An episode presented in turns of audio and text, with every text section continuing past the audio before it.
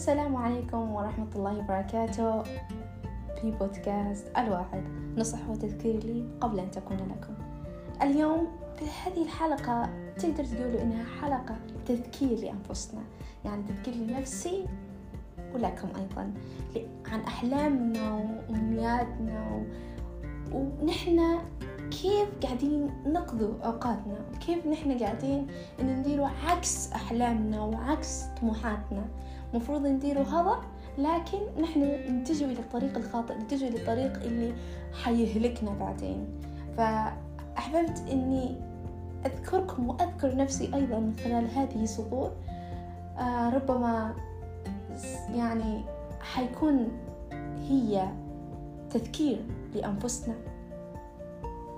وألا وهي هذه السطور وكأن جسدي ليس جسدي متعب أنا من نفسي.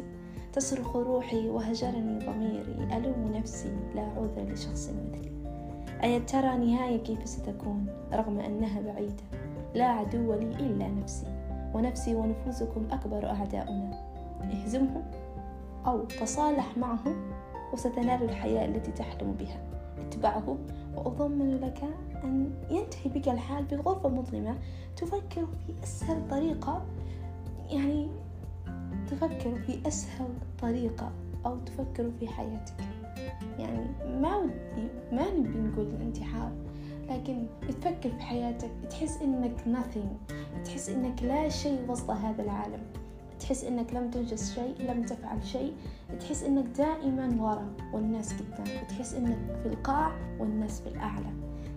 هذا كله لأنك اتبعت الأشياء المؤقتة اتبعت الرغم إنه تعرف شنو الصح وشنو الخطأ اتبعت الطريق الخطأ. الطريق اللي حيقودك إلى الهلاك الطريق اللي مش حيقودك إلى أحلامك وطموحاتك وأمنياتك للأسف.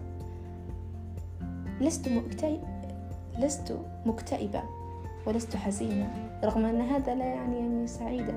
مشاعر مختلطة وأحلام كبيرة وداد ينتظر لأجده وكالعادة أسلك الطريق المسدود وأفعل ما لا يفعل العدو لعدوه وأندم لكن ليس بعد الآن. ليس بعد الآن فأنا لم أعد أريد تلك الأشياء المؤقتة. لم أعد أريد أن أضحي مستقبلي بسبب أشياء مؤقتة لن تنفعني لا الآن ولا حتى في المستقبل. فهدك يا نفسي.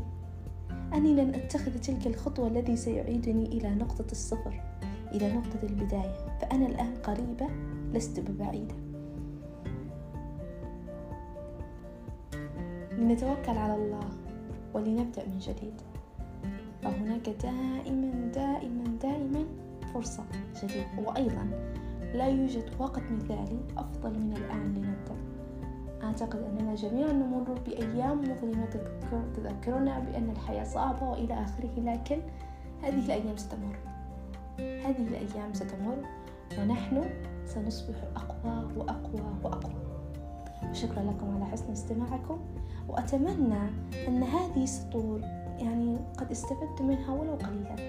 لتعيد إليكم الشغف لهذه الحياة عن أحلامكم وطموحاتكم.